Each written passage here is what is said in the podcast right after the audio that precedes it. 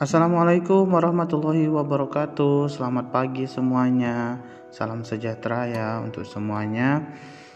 Awali pagi hari ini belajar, marilah kita sama-sama berdoa menurut agama dan kepercayaannya masing-masing. Berdoa mulai. Berdoa selesai.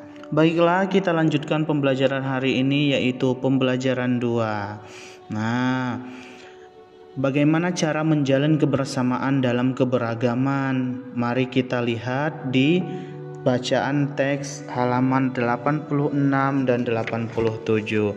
Di situ kita akan paham apa sih arti dari kebersamaan dari keberagaman yang kita miliki.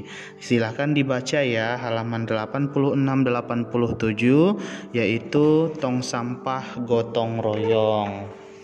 Setelah itu kalian jawab halaman 88 tentang grafik keberagaman, kerjasama, manfaat kerjasama.